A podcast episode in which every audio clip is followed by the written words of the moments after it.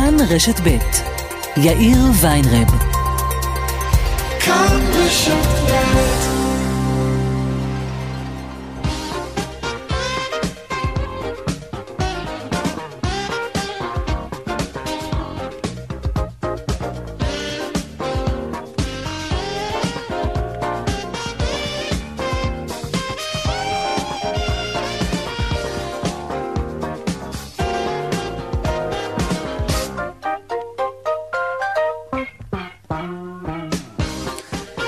ארבע ועוד חמש דקות, כאן צבע הכסף ברשת ב', יום רביעי, שלום רב לכם, העורך רונן פולק, בהפקה סמדר טל עובד, טכנאי השידור שלנו היום הוא אילן אזולאי, הדועל כסף כרוכית כאן.org.il, אפשר ליצור קשר גם בדף הפייסבוק שלנו כאן ב', אני יאיר ויינדרב, מעכשיו עד חמש, אנחנו מיד מתחילים.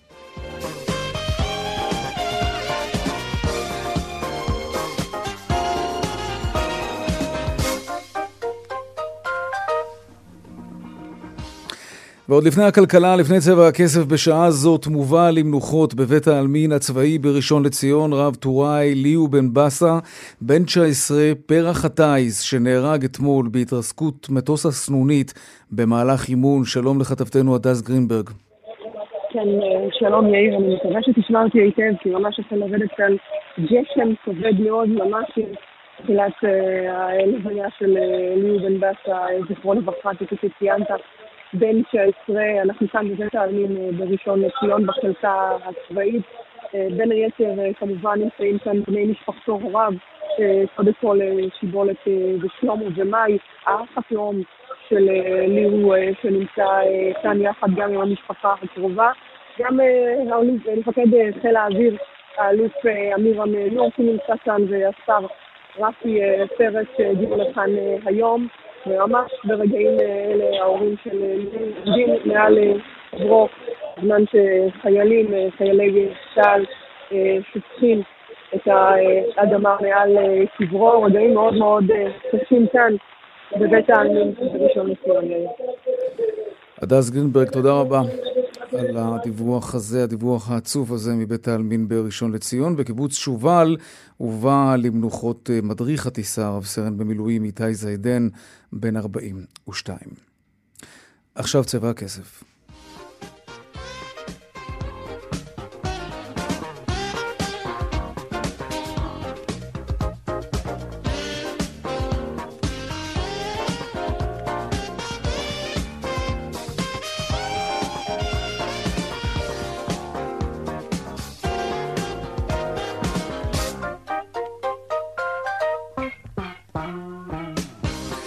כן, כותרות צבע הכסף, שר האוצר ישראל כץ וראש הממשלה נתניהו סיכמו ביום שני הקרוב תוצג המסגרת לתקציב המדינה לשנה הבאה יחד עם חוק ההסדרים.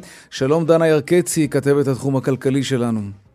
כן, שלום יאיר. שר האוצר ישראל כץ מודיע היום כי ביום שני הקרוב יציג בפני ראש הממשלה את מסגרת תקציב 2021 עם חוקי ההסדרים הנלווים. לאחר אישור ראש הממשלה, משרד האוצר יפעל למול גורמי הקואליציה ומשרדי הממשלה השונים, בהם גם משרד המשפטים, כדי לסכם את פרטי התקציב ולהביאו לאישור הממשלה בהקדם. לאחר מכן משרד האוצר יפעל כדי להעביר במהלך חודש פברואר 2021 את אישור התקציב בכנסת, ולמעשה לדבריו אה, תקציב המדינה יוצא לפועל. עוד קודם לכן קרא היום בנק ישראל להביא בהקדם לאישור תקציב 2021, כן. הציג עקרונות לפיהן התקציב ייבנה, הוצאות הקורונה יופרדו מהשוטף ויוגדרו על בסיס רשת הביטחון ותקציבי הסיוע שכבר אושרו, לא ייקבע יעד אה, גירעון, הגירעון ייגזר מהוצאות בפועל ומההכנסות שהתממשו עקב המצב הכלכלי, לא יהיו גזרות כלכליות לעמידה בהתחייבויות לעתיד כפי שנקבע בדרך כלל בכלי המקובל לחישוב ההוצאות העתידיות של הממשלה, לא הוא הנומרטור. מסגרת התקציב הרב-שנתי לשנים שאחרי 2021 תיקבע mm-hmm. רק בעת אישור תקציב 2022. הדברים האלו, ההודעה הזאת אה, של בנק ישראל מגיעה לאחר הופעתו של נגיד בנק ישראל ביום שני האחרון בוועדת כספים. שם הציג תרחישים לתקופה הקרובה וציין כי בתרחיש האופטימי הגירעון יעמוד על 8% בשנת 2021 ובתרחיש mm-hmm. הפסימי על 11%. דנה ירקצי, כתבת התחום הכלכלי שלנו, תודה רבה על העדכון הזה. ועוד בחותרות הכלכלה היום, ים של דוחות כספיים, וכצפוי ישנם מי שהרוויחו מהמשבר וישנם מי שהפסידו כמובן. ברבע השלישי של השנה זינק הרווח הנקי של שופרסל ב-76% ל-96 מיליון שקלים, זאת לעומת התקופה המקבילה אשתקד. אבל זה לא כל כך מפתיע, זה ידוע שרשתות המזון חוגגות בתקופה הזאת שבה אנחנו אוכלים בעיקר בבית, כן? גם קבוצת טיב טעם רושמת זינוק חד של 276% ברווחים שלה. רשת פוקס, כן, בתחום האופנה, גם היא מרוויחה מהמשבר, למרות הסגר השני וסגירת החנויות. ברבע השלישי של השנה עלה הרווח המתואם של חברת האופנה ל-54 מיליון שקלים. הכנסות הקבוצה ברבע השלישי גדלו ביותר מ-5% וחצי ל-864 מיליון שקלים. גם uh, קבוצת קסטרו הודיס, כן, דיווחה היום על מעבר לרווח של 41 מיליון שקלים ברבע השלישי של השנה.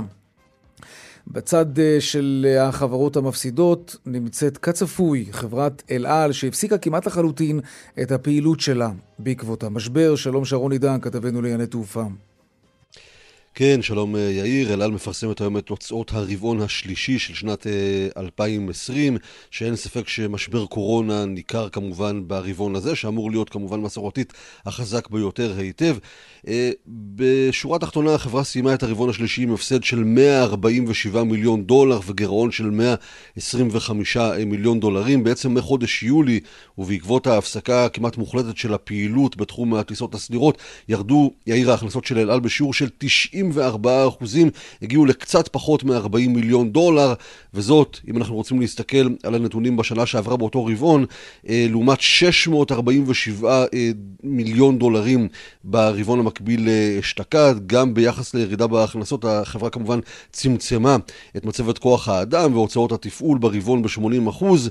אה, אבל בסופו של דבר כמובן שגם הדבר הזה אה, לא אה, מספיק. החברה בעצם רושמת הפסד נקי של 147 מיליון וואו. דולרים, כן. לעומת רווח של 27 מיליון דולר ברבעון המקביל אשתקד. הרבעון השלישי הוא כמובן הרבעון של הקיץ, והוא כן. בדרך כלל החזק ביותר. אין ספק בור בלי תחתית, יאיר, ונתונים מאוד קשים לאל על. היו זמנים. שרון עידן, כתבנו לענייני תעופה, תודה רבה על העדכון הזה. וברקע המשבר הפוליטי בנושא תקציב המדינה, שמענו קודם את כתבתנו דנה ירקצי מדווחת שבנק ישראל מפציר בממשלה לאשר כבר את תקציב השנה הבאה. סאגת uh, פתיחת הקניונים והפיילוט, הניסוי שאמור להתחיל מחר, בשלב זה עדיין לא ברור כיצד זה אמור בכלל להתבצע. ברשתות המסחר אמרו הבוקר כי אם שר הבריאות יפר את ההבטחה שלו והפיילוט לא יצא בסופו של דבר לדרך, הם, בעלי החנויות, יפתחו בכל מקרה את העסקים שלהם בכל הקניונים. כן, זה איום. ועוד בצבע הכסף בהמשך לקראת ה-Black Friday. בסוף השבוע נדבר uh, על ההתמכרות לקניות. כן, מה, מה משפיע עלינו ואיך בעלי העסקים המקוונים על הרשת יודעים לנצל את זה טוב טוב כמובן. נדבר גם אם נספיק לקראת סיום על הבהלה לדובאי, היעד התיירותי היחיד כמעט על המפה, ואיך הוא הפך לקרש ההצלה גם בעבור חברות התיירות כאן בארץ, ולא רק. ולקראת סיום, כרגיל, העדכון משוקי הכספים, אלה הכותרות, כאן צבע הכסף. אנחנו מיד ממשיכים.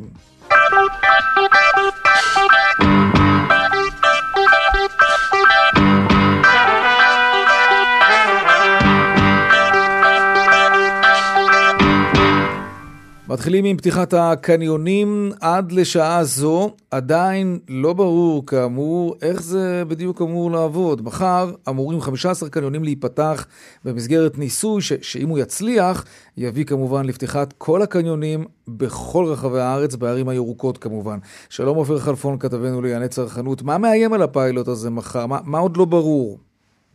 כן, שאלה טובה, יאיר. אה, כן, התקנות כתובות, רק שמה שקורה עכשיו זה צריך את האישור של משרד המשפטים, אבל מה שאומרים ברשתות המסחר זה בעצם שבמשרד הבריאות, ויותר נכון מכוונים את האש כלפי אה, שר הבריאות אה, יולי אדלשטיין, שהם ככה איכשהו מעכבים את, ה, את, ה, את האישור הסופי, את, ה, את, ה, את כך שהם מעבירים את התקנות לחברי הקבינט כדי שיחתמו עליהם, עליהם וכדי שזה יצא לפועל.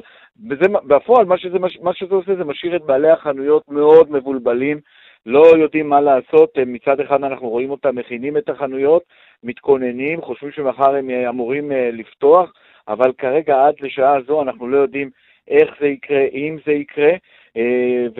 והתקנות אכן גם פורסמו הבוקר, אנחנו יכולים, בתקנות ראינו כמה דברים חדשים מעבר לתו הסגול הרגיל, על, לדוגמה, רישום באונליין על כמות האנשים שנמצאת בקניון באותו רגע, הקניון בעצם יחולק לשני צבעים, בדומה לערים, אדום וירוק, ברגע שה... הרישום, תפוסת הקהל תגיע כבר לקו האדום, אז בעצם תינתן התראה ותיעצר הכניסה של, ה, של הלקוחות אל תוך הקניון. אדם אחד לכל שבעה מטרים רבועים, זה בעצם ההגדרה לגודל של, כן. של כמות האנשים. כמות האנשים, בדיוק, כן. עופר חלפון, כתבנו לענייני צרכנות, אם יהיה איזשהו עדכון ונדע קצת יותר לגבי הפיילוט, שהוא מאוד מאוד קריטי להרבה מאוד אנשים, כן? אה, תאותת לנו, כן. ונדווח על כך. תודה רבה, עופר חלפון. עכשיו נדבר על הדוחות הכספיים של החברות במשק שהחלו להתפרסם. ענף המזון באופן לא מפתיע, כמובן, ממשיך לשגשג, אבל ענף האופנה שחטף את הקורונה באופן קשה בגלל הסגרים, דווקא הוא גם עושה חיל. שלום, אבי זייטן, אה, מומחה לשיווק ואסטרטגיה. אהלן, אכן אכן. כן, תשמע, פוקס, פוקס למשל, כן, שהבעלים של הראל ויזל היה בחזית המאבק בממשלה בגלל המדיניות שלה, ופוקס מציגה עלייה בהכנסות ורווח של 54 מיליון שקלים. קסטרו, גם עם רווח של 41 מיליון שקלים ברבע השלישי של השנה. תגיד, אה, איך הן עושות את זה עם, עם החנויות סגורות? נכון, אז זה הכי נושא מעניין. אני אגיד לך איך הן עושות את זה. יש בעצם מספר מרכיבי אה, הוצאה והכנסה לכל רשת קמעונאית. הרשתות עכשיו נהנות מהתקופה ברבעון השלישי, שמרבית העובדים שלהם היו בחל"ת, ונחסכה להם בעצם הוצאה גדולה מאוד בחסות אה, מדינת ישראל. אה, אנחנו גם יודעים שהם עבדו במתכונת מצומצמת, עם פחות עובדים, לא יודע אם יצא לך להיות בחנות של פוקס, אבל לקראת בית ספר הייתי צריך, אתה יודע, לעבור ולקנות חולצות עם לוגו, אתה זוכר? ברור. לקראת ספטמבר, ואז נכנסתי לחנות שטאבה בעצם מוכרת אחת במקום כן. שלוש. כן, כן, זה לגמרי הורגש. אבל, אבל מצד שני, הקיצוץ החד, או הירידה החדה בהוצאות האלה, זה אמור לעבוד אולי הפוך על הפוך, כי ההוצאות האלה בדרך כלל, למה, למה הם מוציאים את הכסף על כוח אדם ועל חנויות? כדי להגדיל את ההכנסות וכדי להגדיל את הרווחים. אז איך זה שהקיצוץ בהוצאות האלה שאמורות להניב להם רווחים, לא פגעה להם בשורת הרווח בסופו של דבר? הם עבדו די מלא ברבעון השלישי, ולכן אה, היה traffic גדול מאוד בחנויות. הם הצליחו בהקטנת ההוצאה של כוח אדם, שהיא ההוצאה המרכזית היום ברשתות. לייצר אה, סיטואציה שבה הם הרבה יותר רווחיים. והאונליין כמובן, גם, כן. כן, גם הקניונים פתרו את הרשתות אה, רבות מהם בדמי ניהול ושכירות. זוכר את המאבק שהם ניהלו? זה עוד הוצאה גדולה מאוד שבעצם אה, נחסכה. הסיפור שלהם באמת המתכונת המצומצמת יצר פה עוד חיבור, שהוריד עלות, והאינטרנט שפיצה גם על חלק מהמכירות, כי אנחנו מבינים שבעולם ההיברידי, הרבה מאוד לקוחות, נכון. האתרים העלו, ראית שכולם העלו אתרים חדשים, קסטרו ואוטי, טרמינל איקס. שוחחנו פה עם עשרות בעלי עסקים אולי בחודשים האחרונים, אם לא יותר מזה, ואת כולם אנחנו שואלים, טוב, יש לכם את האונליין, וכולם אומרים, עזוב, זה לא באמת מפצה על לפתוח 30-40 חנויות במרכזים נכון, מסחריים ברחבי הארץ. נכון. הם כולם די, אני לא יודע, אולי, אולי עומדת מאחורי זה איזושהי טקטיקה כשהם אומרים את זה, אבל הם נורא מזלזלים בזה ואומרים, עזוב, זה, לא, זה, זה לא ה business האמיתי האונליין. נכון, נכון. הסיפור הוא בעצם שהאונליין הוא לא מאוד רווחי.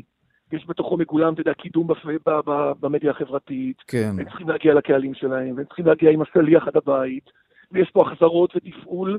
זה עסק שהוא לא מאוד מאוד רווחי. יצא לי לדבר עם לא מעט, אתה יודע, רשתות קמעונאיות שאמרו לי, תקשיב, אני מחזיק את האונליין, א', כי החנות סגורה בחלק מהזמן, ושתיים, הרווחיות זה, זה מהווה עשרה אחוז, חמש... נכון, כן, אלה המספרים, כן. נכון, אבל אה, לא רווחי במיוחד, אין שם מספרים גדולים, זה עדיין לא מפצה לי. אבל אולי, אולי הם לא מספיק יעילים שם. זה... אולי הם לא מספיק מפותחים שם בתחום הזה של ההון. נכון, האמת היא שנכון, אנחנו יכולים לראות בימים האחרונים, לא יודע אם ראית בעיתונים, על אה, לא מעט תלונות. אתה יודע, חשבתי שאחרי התקופה האחרונה, שהיה להם חצי כן. שנה להיערך, אז הם ישתתפו את השירות ויעשו לך את זה באמת בצורה יותר... אה, תוך ש... יומיים שלושה. Mm-hmm. היום אתה מזמין מאלי אקספרס, זה מגיע תוך יומיים 48 שעות. כן. ולהזמין עכשיו מטרמינל איקס או, או קסטרו יכול לקחת לך עשרה ימי עסקים, או אפילו 12 כן. ימי עסקים בהודיז. איזה יעילות. מה שאומר שהציבור כן. מתפס. תגיד, אבל, אבל תראה, אבל בשורת הרווח בסופו של דבר, הן ממשיכות להרוויח רשתות האופנה והן המשיכו לעבוד באונליין, ואתה יודע, לגבי כמה זמן לוקח להם להגיע לבית הלקוח, זה דברים שכמובן אפשר לנהל אחרת ולהצליח בזה הרבה יותר. מה דעתך על התרחיש שרשתות שיווק אה, יבינו? שאפשר גם בלי חנויות פיזיות בכל קניון או בכל פינת רחוב, ואפשר לנהל קשרי לקוחות ברשת. נכון. זה יחזק את האונליין כמובן, אבל מצד שני גם יהפוך את הקניונים לשוממים וישלח גם הרבה מאוד כוח אדם, הרבה מאוד עובדים הביתה. זה מה נכון. שצפוי לנו? אני חושב שכן. אני חושב שבסופו של דבר החנויות הפיזיות עוברות עכשיו חישוב מסוים מחדש. הן צריכות להגדיר מחדש את המהות שלהן. הם, יש להם שם, אתה יודע, בתוך החנות עצמה יש חוויה אחרת לגמרי מאשר באונליין. אתה יכול לחוש ולמשש, אבל היום הציבור כבר לא מסתפק רק בחנות הרגילה, כי כל מה שיכול לחסוך זמן ולא להיכנס לקניון ולא לחוות עכשיו עוד חיידקים ולהתחכך בעוד אנשים, הוא כן מעדיף לייצר במקומות הבטוחים. יש עדיין אזורים ומוצרים שאתה עדיין חייב להגיע ולבדוק מיטות ועניינים, אתה יודע, בגדים, נעליים, עדיין, אבל החנות עצמה, אני מעריך שבשנים הקרובות יהיו מעט, הרבה פחות חנויות. אתה יכול לראות גם שיש לא מעט סגירה ברשתות גדולות. יהיו חנויות קונספט יהודיות שתוכל לבוא, לסמן לך על מסכים, כמו בחו"ל, mm. בדרך שאתה הולך לאוטו כבר השליח יגיע אליך הביתה. זה נוח. יהיה פה טרנספורמציה חדשה, וירדו באמת העלויות של השכירויות וכמות החנויות, זה כן. יוריד עלויות גם. ברור. בהתאמה. אבי זיתן, מומחה לשיווק ואסטרטגיה, תודה רבה. תודה לכם. בכיף. ערב טוב שיהיה. ערב טוב. דיווחי תנועה עכשיו.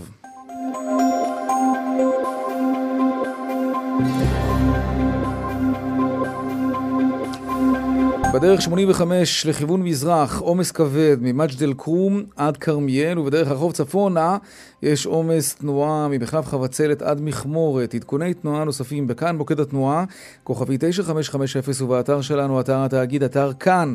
הפסקת פרסומות קצרה, ומיד אנחנו חוזרים עם עוד צבע הכסף. 24 דקות אחרי השעה 4, שלום מירב כהן, השרה לשוויון חברתי וגמלאים. שלום, צהריים טובים. טוב, נתחיל עם uh, פתיחת המסחר. את uh, חברת קבינט קורונה. למה תמיד הכל מלא חורים ולא ברור ולא נהיר? איך זה שיממה לפני פתיחתם של 15 קניונים לצורך ניסוי, ואף אחד לא יודע עד הסוף איך זה אמור להתנהל? אני חושבת שהשאלה הגדולה שדנו בה היא בכלל החינוך. הפיילוט זה בקניונים, זה דבר מאוד קטן ונקודתי, עושים שם ניסוי כלים, אני חושבת שמאוד מאוד מסוכן בעת הזו שהר עולה, מספר המאומתים עולה, לעשות משהו שהוא רחב, ולכן אה, אה, זה בסדר גמור שעושים שם ניסוי וטעייה, כי אה, זה בסך הכל פיילוט, זה לא משהו שאמור להשפיע עכשיו על כל הצרכנים. מאה אחוז, אבל גם את הפיילוט, אף אחד לא יודע איך לנהל אותו. אומרים, שמענו קודם דיווח של כתבנו לענייני צרכנות עופר חלפון, הוא אומר, רשתות המסחר שאמורות להיות פעילות באותם 15 קניונים, הם לא יודעים איך זה בדיוק אמור להתנהל מחר, והם מפחדים לפשל, כי זה פיילוט שיקבע את ההמשך כמובן. אם הם יפשלו, האחרים לא ייפתחו והם ייסגרו. לפי הדברים שהוצגו לנו על ידי משרד הבריאות בקבינט, אה, אז בהחלט אה, יש שם פרטים אה, די מפורטים לגבי המיזוג של המקום, איך מחליפים את האוויר, הפקחים בחנויות, הרישום של הנוכחים עם שמות, כדי שיהיה צורך אחר כך, אם צריך לקטוע את שרשרת ההדבקה, נוכל לאתר את האנשים. הם הציגו תוכנית מאוד מאוד מפורטת. נשמע לי טבעי שרגע לפני שהדברים יוצאים אל הפועל יש uh, הרבה שאלות אופרטיביות, כי זה מבצע mm. מאוד מסובך. לפתוח כרגע קניון, שזה חלל סגור, שיש בו חשש להתקהלות, זה הכי מסוכן שיש. ולכן uh, אני חושבת שזה בסדר שלא מקלים בזה ראש. טוב, נקווה שזה כמובן יהיה ניסוי מוצלח. אגב, בעלי רשתות המסחר כבר אומרים שאם תהיה איזושהי דחייה בגלל חוסר הסכמה של הרגע האחרון, הם מבחינתם יפתחו את החנויות כי הם כבר לא יכולים יותר לחכות, אבל טוב, בואי נראה באמת מה יהיה מחר. אני לא ממליצה אה, להפר חוק. כן, לא, גם אנחנו לא, אבל את יודעת, זה מה שאנשים אה, אומרים. בואו, אנחנו נורא אוהבים לדבר על אה, פתיחות, ואיך אנחנו, אנחנו כולנו מאוד רוצים לחזור לשגרה רגילה, אבל תסתכלו על הנתונים, ה-R הוא מעל לאחד, בעולם המגיפה משתוללת, החורף לפנינו, מספר המאומתים עולה, זה הזמן להיות זהירים, ולא להיות אה, עם יד קלה על ההדק. טוב, בואי נדבר עכשיו על העלאת uh, גיל הפרישה לנשים. נראה שההחלטה הזאת הולכת ומתגלגלת ומתקרבת. מה, מה עמדתך בעניין הזה, מירב כהן? בעיניי זו סוגיה מאוד מאוד אסטרטגית, ולכן בחודשים האחרונים אנחנו עשינו תהליך עומק עם כל ארגוני הנשים. כמו שאתה יודע, זה תפוח אדמה לוהט שכבר יש לנו היסטוריה איתו, היו כמה וכמה סבבים ששרי אוצר ניסו להעלות את גיל כן, הפרישה, ונפלו כן. אחד אחרי השני. אה, ואני חושבת שהסיבה שזה קרה זה שתמיד חשבו איך אנחנו חוסכים כסף אה, אה, למדינה. ולחסוך כסף על גבן של נשים מבוגרות זה לא חכם, זה לא הדבר הנכון לעשות. אבל אם יסתכלו על זה כמנוע צמיחה, איך אנחנו מסייעים לנשים להצליח בשוק התעסוקה, אם ייגשו לזה ככה, זה יהיה נכון. מה זאת אומרת? אנחנו לא בעצם. בנינו מתווה, כן. שיש לו מספר עקרונות. דבר ראשון, צריך לדאוג לנשים המבוגרות החלשות, אלו שבמקצועות השוחקים, אלו שנפלטו משוק התעסוקה כבר הרבה לפני שהם הגיעו לגיל הפרישה, ולהם צריך לתת דמי אבטלה והכשרות ומענקים ייעודיים, אה, וגם אה, למנוע מצב שאם אישה מבוגרת עובדת, אז מקזזים לה את קצבת הזקנה. זה החלק הראשון. אה, לשם אנחנו גם מכניסים התייחסות... רגע, לא, לא, לא הבנתי. שנייה, אתם, את בעצם באה ואומרת, הזכאות לקצבת זקנה לא צריכה להיפגע, גם אם אישה עכשיו, בעקבות השינוי הזה, תצטרך לעבוד עוד כמה שנים? לזה את מתכוונת? כן, אני אגיד יותר מזה, כיום בן אדם שחצה את גיל הפרישה ומקבל שכר של מעל ל-6,000 שקלים, המדינה מענישה אותו, מתחילים לקזז לו את קצבת הזקנה, שזה נכון. מנגנון טיפשי, כי אנחנו מעודדים אותם לשבת בבית, להיות עניים, בודדים וחולים, במקום לעודד אותם לעבוד, ואגב, עושים את זה גם... זאת אומרת, לאנשים שמביאים כסף מעבודה, אם בן אדם לצורך העניין מקבל 20,000 שקל פנסיה, לא יקזזו לו את קצבת הזקנה. אבל הבן אדם שנאלץ לצאת ולעבוד גם בגיל 70, בו אנחנו פוגעים ולא אנחנו מקזזים את קצבת הזקנה, כי הוא יצא לעבוד לפעמים מחוסר ברירה. זה לא הגיוני. אנחנו מבקשים לעשות לזה סוף במסגרת המתווה הזה של העלאת גיל הפרישה.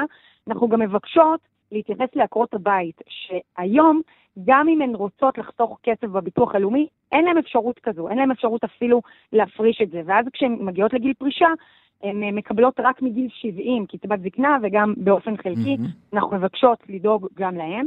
והחלק אה, הנוסף הוא, רגע, אחרי שדאגנו לחלשות, שזה ה basic, זה חובה, אין פה, זה, זה פשוט חובתנו, אי אפשר לפגוע בהם ולהרחיק מהם את הקצבה, זו פגיעה מאוד קשה, בטח בימים כאלו. נכון.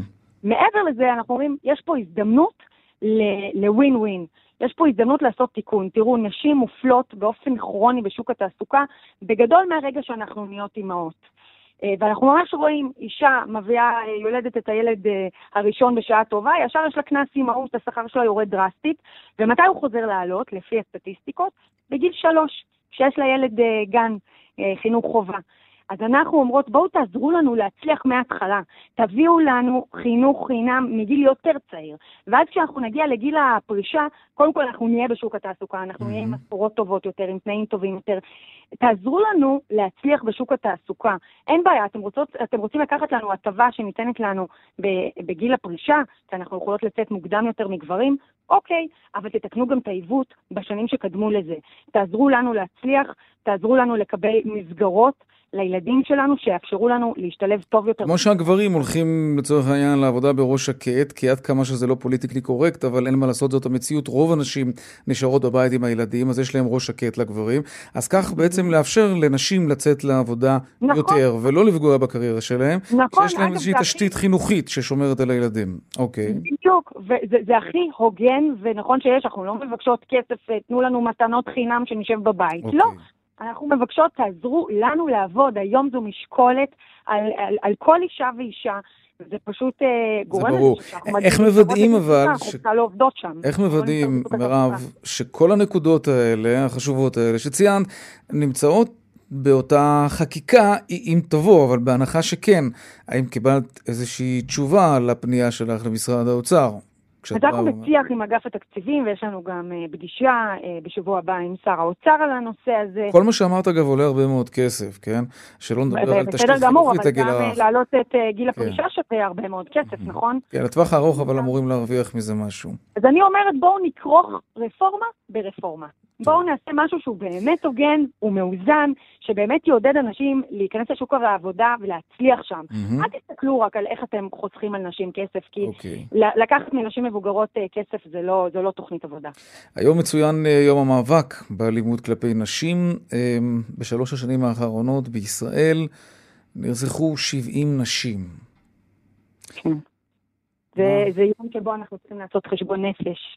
האם עשינו מספיק למען אותן נשים? האם עשינו מספיק למען הילדים שלהם? והתשובה היא כמובן שממש לא מספיק. אה, אני בשבוע שעבר ביקרתי בסוכת האבלים של ופא, ש...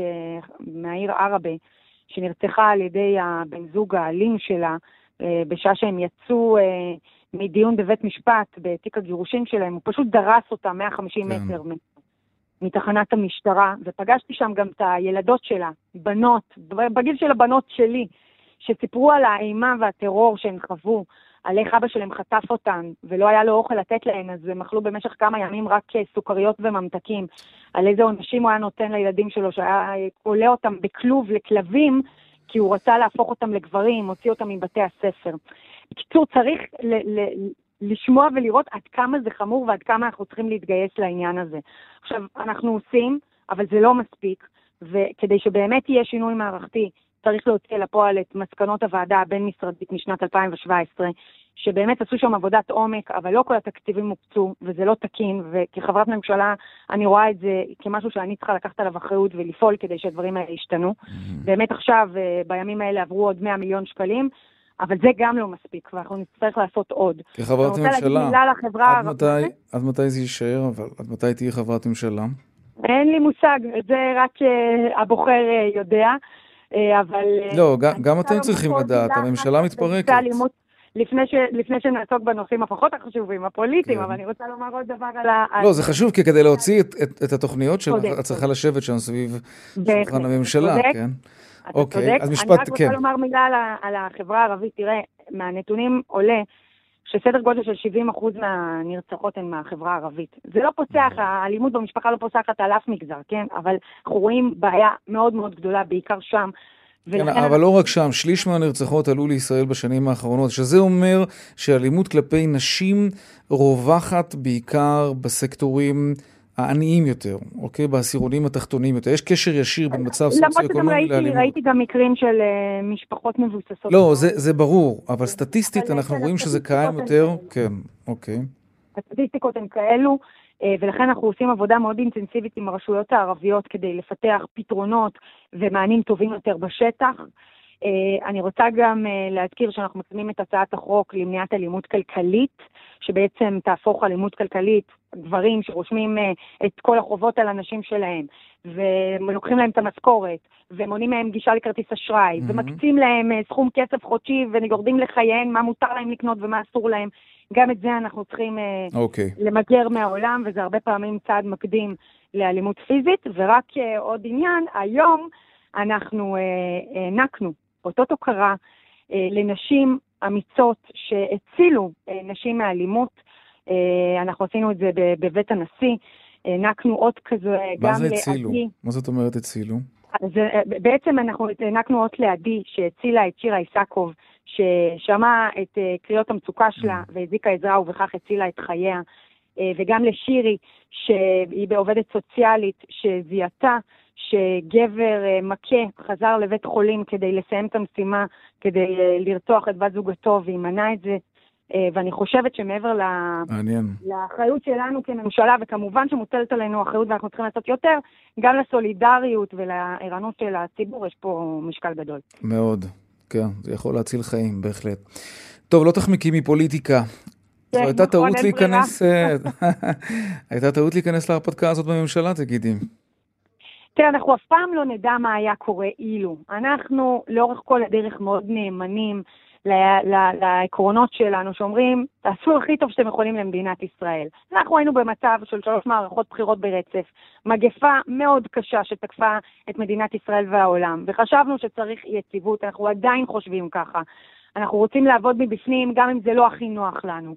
כרגע, אם ייתנו לנו כלי עבודה, קרי תקציב, והנה, רק עכשיו דיברנו על המלחמה באלימות, כן. אי אפשר לעשות את זה בלי תקציב. איך נביא 250 מיליון שקלים בשנה בלי תקציב? איך ניתן מענה? תאורטית אפשר לאשר העברה תקציבית בוועדת הכספים, אבל לא ניכנס לזה ברזולוציה הזאת. על כל כן. ההעברות התקציביות האלו, כן. ועל כל קופסאות הקורונה, כמה מהן אה, באמת מהמם. מומשו? סדר גודל של 50-60 אחוז. אוקיי. בתקציב המדינה כמה ממומש? בין 90 ל-100 אחוז. למה? כי היום משרדי הממשלה בהיעדר תקציב משותקים. אני כל דבר צריכה ללכת לבקש אה, אישור מוועדת חריגים. זה לא, מסרבל לא, לא, את ברור שצריך תקציב. תוכניות. אין ספק שצריך תקציב. בטח פה במצב של אה, משבר כלכלי. אבל, אבל מירב, כדי להיות שם וכדי לשנות, אין מה לעשות, אנחנו חיים בשיטה כזאת שאנחנו צריכים להיות חזקים פוליטיים, וחזקים פוליטית, ו- ואני מניח שראית את הסקרים האחרונים, כן? עשרה מנדטים, זה מה שצופים לכם. הציבור שבחר בגנץ כנראה לא חושב שעשיתם נכון. יש עתיד לעומת, לפיד, שהתעקש, עמד במילה שלו, הציבור מתגמל אותו, הוא סביב ה-20 מנדטים. אז זה נכון שלשבת על הכיסא שאת יושבת ולעשות כל יום דברים חשובים, כן? ואחר כך גם באמת לראות את התוצאות בשטח, יש לזה סיפוק וזה גם חשוב וזה עוזר באמת לאזרח הקטן. אבל בסופו של תהליך, אנחנו מדברים עכשיו פוליטיקה, יכול להיות שזו הייתה טעות מרה מבחינה פוליטית. תראה, ידענו שזה לא יהיה פופולרי. ידענו שזה, שאנחנו מסכנים פה את הכוח הפוליטי שלנו, ועשינו את זה באהבה, כי הבנו שזאת טובת מדינת ישראל כרגע. עם זאת, אני מאמינה שהציבור, הוא רואה את מה שקורה. הוא רואה מי בא בידיים נקיות ופועל למענו. הוא רואה מי מונע משיקולים פוליטיים.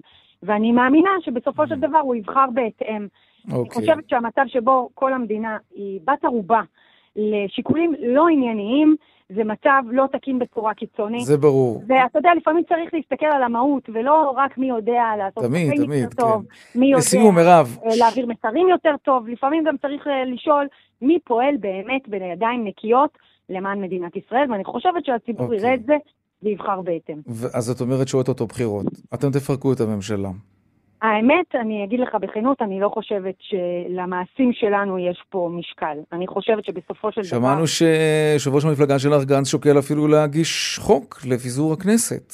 בשבוע כן, הבא כבר, להקדים את לפיד. Mm-hmm. אנחנו קרובים מאוד למיצוי, כי ב-23 בדצמבר יש תאריך פג תוקף שאם אין תקציב, אז כן. הכנסת מתפזרת.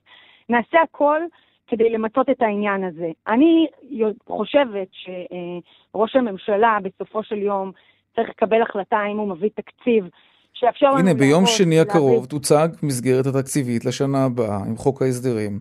זה, זה מספק אתכם? זהו? נגמרה הדרמה? אם לי יש כלי עבודה לבוא ולספק אה, אה, תוצאות לאותן נשים, למגזר הערבי, לקשישים, לכל האנשים שאני אמונה לספק להם מענה בימים קשים אלו, mm-hmm. זה הדבר היחידי שמעניין אותי. Okay. אם אוקיי. יש לי כלי עבודה קרי תקציב, אני שם, וזה לא משנה מה אני מרגישה כלפי uh, שותף כזה או אחר. זה לא גנון, זה מדינת ישראל בשעה קשה. אם יש לי כלי עבודה, אנחנו בפנים. אין לנו כלי עבודה, נחזור לבוחר ונבקש ממנו הוראות. מירב כהן, כחול לבן, השרה לשוויון חברתי וגמלאים, תודה רבה. תודה לך. לעניין הבא שלנו, Black Friday. הרבה מאוד אנשים מחכים ליום הזה כדי לעשות קנייה משמעותית ברשת, כן, המחירים הרבה יותר אטרקטיביים. רחפנים למשל, או בכלל מוצרים אלקטרוניים שיש בהם תשדורת. העניין הוא שמוצרים כאלה זה לא רק לחכות למבצע טוב, לקנות ולחכות למשלוח, יש גם עניין של רישוי ושל מיסוי. ולא כולם יודעים את זה. שלום גדעון שטרית, מנהל אגף בכיר רישוי במשרד התקשורת. שלום לך גדעון. שלום וערב טוב. אני יושב מול מחשב, אתר קניות, אה, אני מתרגש, כי חלמתי על הרחפן הזה כבר חצי שנה, והנה עכשיו הוא במחיר טוב, קניתי. מה כדאי לי לבדוק שנייה לפני שלחצתי על העכבר? אה, רחפנים ספציפית יש, משדרים בשני תדרים. אה, יש תדר שהוא 2.4 ויש תדר שהוא 5.8. תדר 5.8 אסור בארץ. למה? סיבות uh, שמישהו אחר משתמש בו, uh, ולכן הרחפנים לא יכולים להפריע לו, למרות שבמהלך תחילת שנה הבאה זה אמור להשתחרר, אבל כרגע צריך לבדוק שהוא לא עובד ב-5.8 ואז אין לו בעיה להיכנס. אנשים עושים שגיאות כאלה, תגיד? אנשים עושים שגיאות כאלה, אנשים, uh, משרד תקשורת אמון, אמון על כל נושא הספקטרום, ולכן אנחנו מנהלים את כל נושא התדר בצורה, בצורה uh, עם לקיחת סיכונים. אה, בין, ה, בין הדברים האלה אנחנו מקצים, יש תדרים שמוקצים לשימוש חופשי לציבור, אלה אותם תחומים שבהם הציבור מייבא, אה, מייבא מוצרים, שלטים, רחפנים, אה, סטרימרים. ולא מכניסים לו את זה לארץ. האלה. כל הדברים האלה. עכשיו, רוב הדברים האלה כן מותרים בארץ, ישראל הולכת לפי התקן האירופאי ולא לא תקן אחר שהוא כן. אמריקאי או מזרח, או מזרח או אסיה, ויש אה, תקנים שונים, ולכן כשציון נכנס לארץ חייבים לוודא שהוא תואם, אה, תואם לארץ ולא מפריע לדברים אחרים. Mm-hmm. מי ש... איפה, איפה שזה נעצר, זה נעצר בדרך כלל בדואר או במכס על ידי המילה המכס, ושם אנחנו נכנסים לבדיקה, כאשר אנחנו, כדי לקצר טווחים, אה, אנחנו נמצאים גם בדואר וגם אצל חלק מעמילי המכס, ולמעשה מבצעים את הבדיקה שם כדי שהבן אדם, מי שמזמין, אה, למעשה לא, יביא, לא, לא ירגיש שאם הוא לא הגיש אישור או אם, אה, אם הוא עשה את הטעות הזאת, אז החבילה נתקעת לו. אם אנחנו לא מצליחים לאשר את הציוד או לדחות אותו, אז אנחנו אה, מבקשים אה, שכן יגישו אישור בצורה מקוונת. אישורים אה, מגישים דרך אתר משרד תקשורת אה, בצורה מקוונת, התשובה מתקבלת בין אה, שלושה ימים ל, לשמונה ימים, עכשיו זה קצת, אה, שמונה ימי עבודה, עכשיו זה קצת יותר ארוך. Mm-hmm. אני רוצה להגיד שהקורונה, אמנם אה, בחודשים מרץ ואפריל היה ירידה, אבל אנחנו ביחס לש, ל, לינואר של שנה שעברה עלינו פי חמש ביבוא. אנשים פשוט מייבאים המון. כן. אה, אם אנשים פשוט מייבאים המון, ואנחנו, אם היינו בסדר גודל של 2,500 אה, בקשות, אז, אז סך הכל הבקשות, אה, שמונה, זה, היום זה בסביבות 8,600, כאשר החוד, זה לא החודש הזה. החודש הזה יש, יש בכלל טירוף. אני הייתי בדואר יום שני בלילה, יש שם כמויות שאנחנו לא, לא צפינו אותן. אה, הרבה מעבר לכל אה, כמות... רגע, אבל מה אתם עושים בדואר? אתם מסתכלים על החבילות ורואים יש דברים... בדואר פותחים את החבילה, mm-hmm. מזהים את הפריט, אם הפריט מוכר לנו ואנחנו יודעים שהוא אה, מותר... ואם לא, אז מה קורה עם הפריט הזה? אם, אם הפריט לא מוכר לנו בכלל, אז הפריט הזה נכנס לדואר להמתנה, והיבואן מקבל, הבן אדם הפרטי מקבל mm-hmm. טופס שהוא צריך למלא, למלא בקשה באתר משרד התקשורת, הוא ממלא את הבקשה, אם אז אנחנו או דוחים או מאשרים, זה תלוי במפרטים שהוא מביא, mm-hmm. ואז הוא משחרר את זה. אם, okay. אם אוקיי. היבוא, היבואן החכם, ביום שהוא אה, מזמין את הפריט, כבר באותו יום הוא כבר מזין, מזין בקשה ב, ב, ב, באתר. ואז למעשה מקבל אה, את האישור. Okay. אוקיי, אז, אז בוא נעשה סדר, מה מצריך אישור של משרד התקשורת רגע לפני שאנחנו עושים את ההזמנה? כל דבר שקורן, כל דבר שקורן, mm-hmm. שלטים של רכב, משחקים, מכוניות חשמליות, כל הדברים האלה שיש להם שלט. רחפנים, טיסנים. אה, רחפנים בוודאי. אה, אה, אני יכול להגיד שאנחנו, על מנת להקל ביבוא אישי, פתרנו 26 משפחות של של, של אה, ציוד שזה לא, זה, אין לזה תקדים בעולם. בעולם פותרים תדרים, לא משפחות. אנחנו פתרנו סטרימרים, פתרנו אה, נתבים, פתרנו מגדילי טווח, mm-hmm. שזה אותם קופסאות ששמים בבית כדי שיהיה קליטה בכל ה-Wi-Fi בכל הבית. פתרנו דיבוריות לרכב, פתרנו קוראי ספרים, מקרנים, מקרנים, מקרנים ביתיים, קונסולות משחק, קוראי ספרים. טוב שפתרתם קוראי ספרים. למה בכלל מראש היה צריך לפתור דבר כזה? מה, מה לכם ולקוראי ספר? כי קוראי ספרים יש לו Wi-Fi, ה-Wi-Fi ולפעמים גם בלוטוס. בלוטוס, והתדרים, הדברים האלה משדרים, אבל ברגע שאנחנו הכרנו את הציוד הזה וראינו mm. שהציוד הזה הוא, הוא גם, הוא, הסיכון ממנו הוא קטן, או שהוא תואם כולו, כל התקנים שאנחנו מכירים תואמים, כן. תואמים לארץ, אז okay. אנחנו פותרים, אין לנו, אין לנו שום עניין אה, כן. לבדוק. אנחנו כל, מש, כל דבר שאפשר לפתור ול, mm-hmm. ולשחרר ולקצר תהליכים, okay. אוקיי. אנחנו בעד, כי זה רק עושה טוב ליבוא ולמדינת ישראל. לסיום, גדעון, מה לגבי מיסוי? קניות כאלה צריך אה, ללוות אותך מיל מכס? שיסביר את העניין? המיל המכס אה, נמצא בשער המדינה, וכאן מתפצל לשניים. אחד זה הנושא של אה, אה, המיסוי, המיסוי זה 75 דולר ומעלה, וזה באחריות של המילי מכס, לא באחריות שלנו בכלל.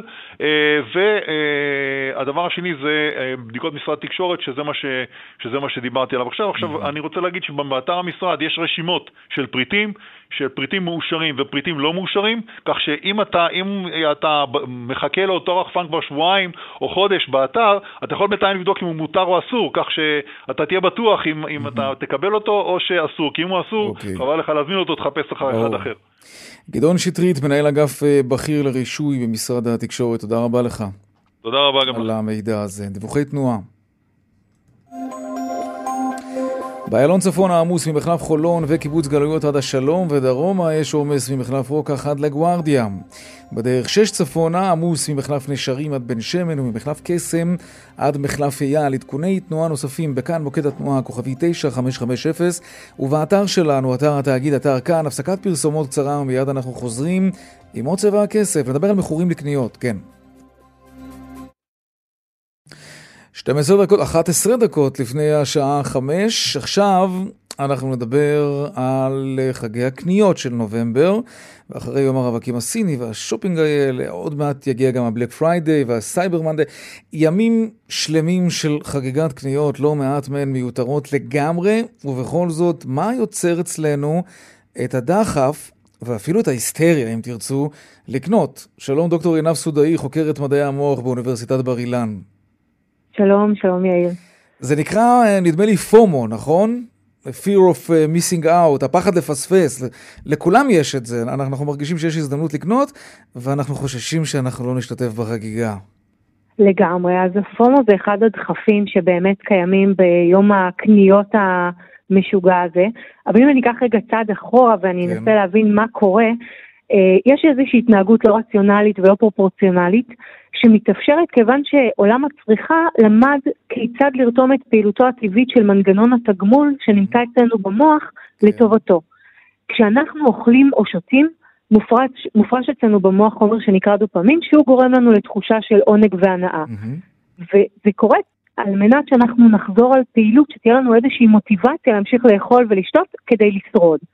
אבל הדופמין הזה מופרש בעוד מקרים, גם כאשר אנחנו לוקחים סם, או לדוגמה כאשר אנחנו קונים. אגב, עצם הציפייה כבר מאפשרת הפרשה של דופמין. זאת אומרת שמספיק שאנחנו נקליק על עכבר ונבצע רכישה, במקרה, כמו שהזכרת בשיחה הקודמת, כן. רחפן, כבר אז הדופמין יופרש. Mm. אה, עוד לפני את שהרחפן הזה בעצם הגיע... אומרת שזה, שזה סוג Mhm. של עונג, כן? גם, גם כשאני נכון. הולך מ, בקניון ופתאום אני רואה איזה חולצה יפה, ואני ניגש ובודק ואני רואה שהמחיר סבבה לי, אז אני, אני הולך לקופה ואני קונה את זה, אני, אני בסוג של עונג בעצם. לגמרי, לגמרי. וצריך להבין שבימים האלה של, ה, של הקניות מופעל עלינו- לחץ מאוד גדול, עם הבלק פריידי ויום הרווקים הסיני שהיה. אה, זה מוגבל ליום אחד. לתמונה, כן. בדיוק. זה מוגבל ליום אחד, ואז יש תחושה שאם אנחנו לא נרכוש עכשיו, אנחנו נפסיד את הרגע, ואנחנו לא אוהבים להרגיש שאנחנו מחמיצים משהו חשוב. זה בדיוק הפומו, ה-fear of missing out. לכן הגבלת הזמן מצליחה להפעיל אותנו בצורה מאוד חזקה. בנוסף לזה, אנחנו מקבלים תזכורות מכל כיוון על הימים האלה, בין אם זה ברדיו בטלוויזיה, ברשתות החברתיות, כן, הודעות אישיות. המוח, כן. זה- היום הזה ממש רודף אבל אותנו. אבל אנחנו יצורים תבוניים, אנחנו אמורים להיות כאלה, כן? זה מותר האדם מן הבהמה. איך מנטרלים את, ה, את התכונה הזאת? כי, כי ברור ש... את יודעת, לפעמים, כן, באמת צריך משהו לקנות, וזאת הזדמנות, אבל לרוב זאת לא יותר ממניפולציה של עסקים על המוח שלנו. אז איך אנחנו כיצורים תבוניים יכולים לנטרל את, הדח, את ההתמכרות הזאת, כן? אז כש, כשאנחנו נמצאים בתוך הבולמוס הזה של הקנייה, בגלל שזה שוטף אותנו מכל מקום, מאוד מאוד קשה לעצור את עצמנו. כי גם התכנון האסטרטגי שלנו נחלש קצת במערכת הזו במוח. כי אחד המעצורים שיש לנו, אה, לא לקנות כי זה יקר. ואז ברגע שיש את הרכישות אה. בהנחות, בהנחות האלה, אז גם התכנון שלנו נפגע. הבלם הזה לח- נעלם. מה שבלם אז- אותנו, המחיר, הוא, הוא. נעלם. יפה, בדיוק. מה שהיה, זה פשע לא לקנות, מה שאמר לנו, שנקרא, כן. בדיוק, אני, אנחנו אומרים לעצמנו שבעצם אנחנו מבצעים קנייה חכמה, Mm. כן? ואז זה מכניס אותנו לסחרור של אה, איזושהי קנייה בולמוסית, ואנחנו יכולים לרכוש הרבה מעבר למה שאנחנו זקוקים לו באמת. ולכן, מה שכדאי לעשות זה לא, לא ללכת, לא לזרום עם הקניות, אלא להכין איזושהי רשימת קניות באמת שצריך אותה, ולחפש ספציפית מוצרים שבאמת אה, מחכים למחירים נמוכים. ולא להיכנס לאיזשהו אתר ולראות מה המחירים ואז להתחיל. לרכוש. ראיתי משהו שכתבת, שאת משווה את התהליך הזה לאריות רעבים שמבחינתם הם נתקלו בלהקה של אנטילופות. זה נכון. ממש, יש פה איזה משהו מאוד יצרי, כן? חייתי נכון. אצלנו. לגמרי. הזה, כן. אגב, אם, את- אם כבר מדברים על זה, אז יש עכשיו באמת הרבה מאוד קמפיינים שקוראים לצרכנים לקנות כחול לבן. איך מנתבים אותם, אם כבר, אז כבר, לשם? כאילו, מה, מה צריך לעשות? איך, איך לעבוד עלינו במרכאות כדי שנקנה כחול לבן ונסייע לתעשייה המקומית? אז באמת אה, גם, מניפולציות, אה, אה, נכון, אז, אז באמת עכשיו בימים האלה של הקורונה, ובאמת היה לנו ואקום אה, מאוד גדול של תחושה של אה, תגמול מכל הכיוונים האפשריים, ובקניות, גם כל החנויות, אה, רובם, כל החנויות הפיזיות הן סגורות, הקניות הן רק אונליין. אז באמת זה עניין של בחירה ו, ולעשות איזשהו חושבים ביו, בימים האלה, ואם כבר כן. לקנות, באמת להסתכל גם על העסקים הקטנים וגם כחול לבן, אז אם יש, לגמרי. יש לנו איזה בלם, רגע, תעצרו רגע, ואז גם באותה הזדמנות תחשבו אם אתם באמת צריכים את זה. דוקטור עינב סודאי, חוקרת מדעי המוח באוניברסיטת בר אילן, תודה רבה לך. תודה לך. עכשיו לדיווח משוקי הכספים. 102 bid for 100 200, take them. שלום אילן גרינברג, אנליסט שווקים גלובליים ביחידת המחקר בבנק הפועלים, שלום לך. ערב טוב לכולם, אז uh, בשעה זו מתאפיין יום מסחר בבורסה בתל אביב בירידות שערים קלות. מדד תל אביב 125 ומדד תל אביב 35 רושמים ירידה של כשלוש עשיריות האחוז. מחזור המסחר גבוה יחסית, הוא נע סביב 1.7 מיליארד שקל, זה יחסית גבוה. ניתן לציין במניות הבולטות את מניית כי"ל, את ICL, עם עלייה של כ-4 אחוזים. מנגד ניתן לציין את מיטרוניקס עם ירידה של 5 אחוזים אחרי הדוחות. שוק אגרות החוב נסחר בעליות שערים קלות, מדד הטלבונד 20 עולה ב-0.14 עשיריות האחוז. בבורסות באירופה יש מגמה מעורבת, מדד היורוסטוקס 50 יורד ב-15 עשיריות האחוז. בוולסט נפתח לא מזמן המסחר שם, יש גם שם מרמה, מגמה מעורבת, מדד הנסדק עולה בשלוש עשיריות כן. האחוז, מדד ה-S&P יורד בכרבע אחוז, מדד הדאו ג'ונס שעלה אתמול לשיא של 130 אלף נקודות. יורד בארבע עשיריות האחוז. שוק המטח גועש ורותח, הדולר היום יורד בכמעט כחצי אחוז לשפל ארוך טווח מול השקל, שרואה הציג נקבע על שלושה שקלים ושלושים ושתיים אגורות. אילן, תודה רבה. אילן גרינברג, אנליסט שווקים גלובליים, בנק הפועלים. עד כאן צבע הכסף, יום רביעי, העורך רונן פולק בהפקה סמדר טלובץ, סיוע בהפקה שמעון דוקרקר, טכנאי השידור שלנו היום הוא אילן אזולאי. הדואל שלנו כסף כרוכית כאן.org.il, מיד אחרינו שלי וגואטה, אני יאיר ויינרי, משתמע כאן שוב ביום ראשון, בארבעה אחר הצהריים. ערב טוב ושקט, סוף שבוע טוב, שלום שלום.